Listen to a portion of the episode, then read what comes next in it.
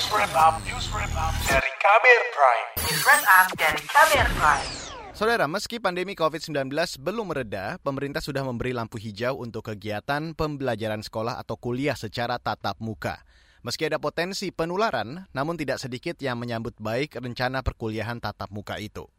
Berikut saya hadirkan laporan khas KBR disampaikan Fitri Anggraini. Setahun pandemi banyak berdampak negatif bagi dunia pendidikan, mulai dari meningkatnya pelajar putus sekolah karena harus bekerja, hingga menurunnya kualitas pembelajaran karena terkendala akses internet di beberapa daerah.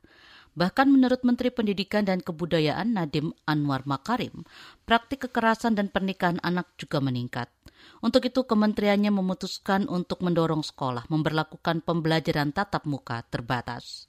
Selama ini bukan ke saya kalau membuka tatap muka, ke Pemda. Tapi setelah dilakukan vaksinasi untuk semua guru-guru dan tenaga pendidik di sekolahnya, satuan pendidikan itu wajib memberikan opsi layanan pembelajaran tatap muka. Artinya dia wajib melayani tatap muka bagi orang tua-orang tua yang menginginkan anaknya tatap muka.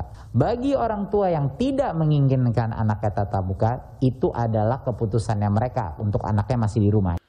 Belum lama ini, Ketua Komite Penanganan COVID-19 dan Pemulihan Ekonomi Nasional KPCPEN Air Langga Hartarto kembali memperpanjang pemberlakuan pembatasan kegiatan masyarakat PPKM Mikro. Dalam aturan perpanjangan tersebut, Air Langga memperbolehkan perguruan tinggi membuka proses pembelajaran tatap muka dengan protokol kesehatan. Wacana itu disambut baik oleh para mahasiswa, salah satunya Nimade Rifana Pramadita Sari.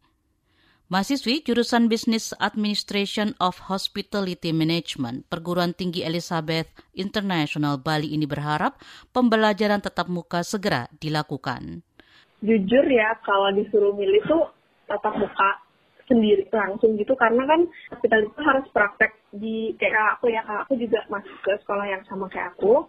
Uh, dia semester satu itu di di semester satu tuh dia bersihin kamar dia masak dia potong bawang. Kayak small thing yang ngajarin kita gitu loh. Cuman kalau offline gini, kita lebih dikasih tahu materi, tapi kita nggak lihat prosesnya langsung gitu.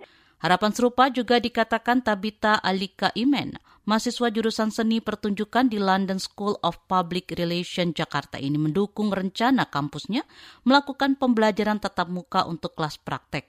Menurutnya, kuliah daring selama ini tidak efektif bagi jurusannya.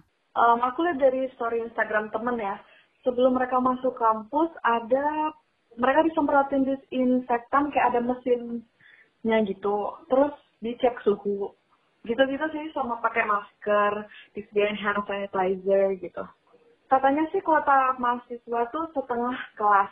Di kelasku itu cuma ada 20 orang. Jadi di ya pasti 10-10 nanti Sementara itu, Albert Kardinov, salah seorang mahasiswa Sekolah Tinggi Pariwisata Bali, menceritakan pengalamannya berkuliah di masa pandemi. Dia mengatakan kampusnya sejak September tahun lalu sudah melaksanakan pembelajaran tatap muka khusus untuk mata kuliah praktikum.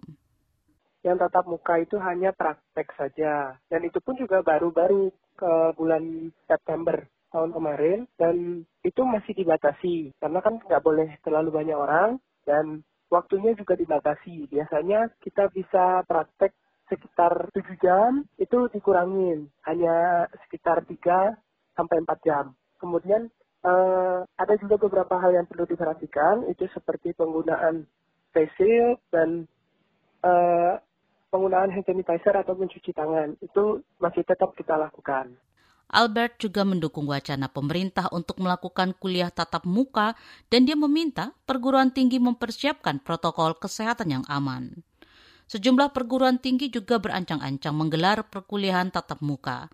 Bahkan Universitas Syah Kuala Banda Aceh sudah menerapkan sistem perkuliahan tatap muka untuk dua angkatan, yakni mahasiswa semester 4 dan mahasiswa semester 2. Kapasitas mahasiswa juga dikurangi 50 persen saja. Khusus untuk mahasiswa yang mengambil praktikum juga diizinkan belajar tatap muka, terutama yang tidak dilakukan secara daring tapi diwajibkan mematuhi protokol kesehatan. Sementara itu, Universitas Sumatera Utara berencana akan membuka kembali sistem perkuliahan tatap muka secara terbatas bagi mahasiswa di perguruan tinggi negeri itu pada bulan September 2021. Rektor USU Murianto Amin mengklaim bakal menerapkan protokol kesehatan yang ketat untuk mahasiswa yang mengikuti perkuliahan tatap muka. Selain itu, USU juga akan melihat dahulu situasi dan kondisi penyebaran pandemi COVID-19 sebagai persyaratan untuk dibukanya metode kuliah tatap muka tersebut. Laporan ini disusun Astri Septiani. Saya Fitri Anggreni. Kamu baru saja mendengarkan news wrap up dari Kabel Prime. Dengarkan terus kabelprime.id, podcast for curious mind.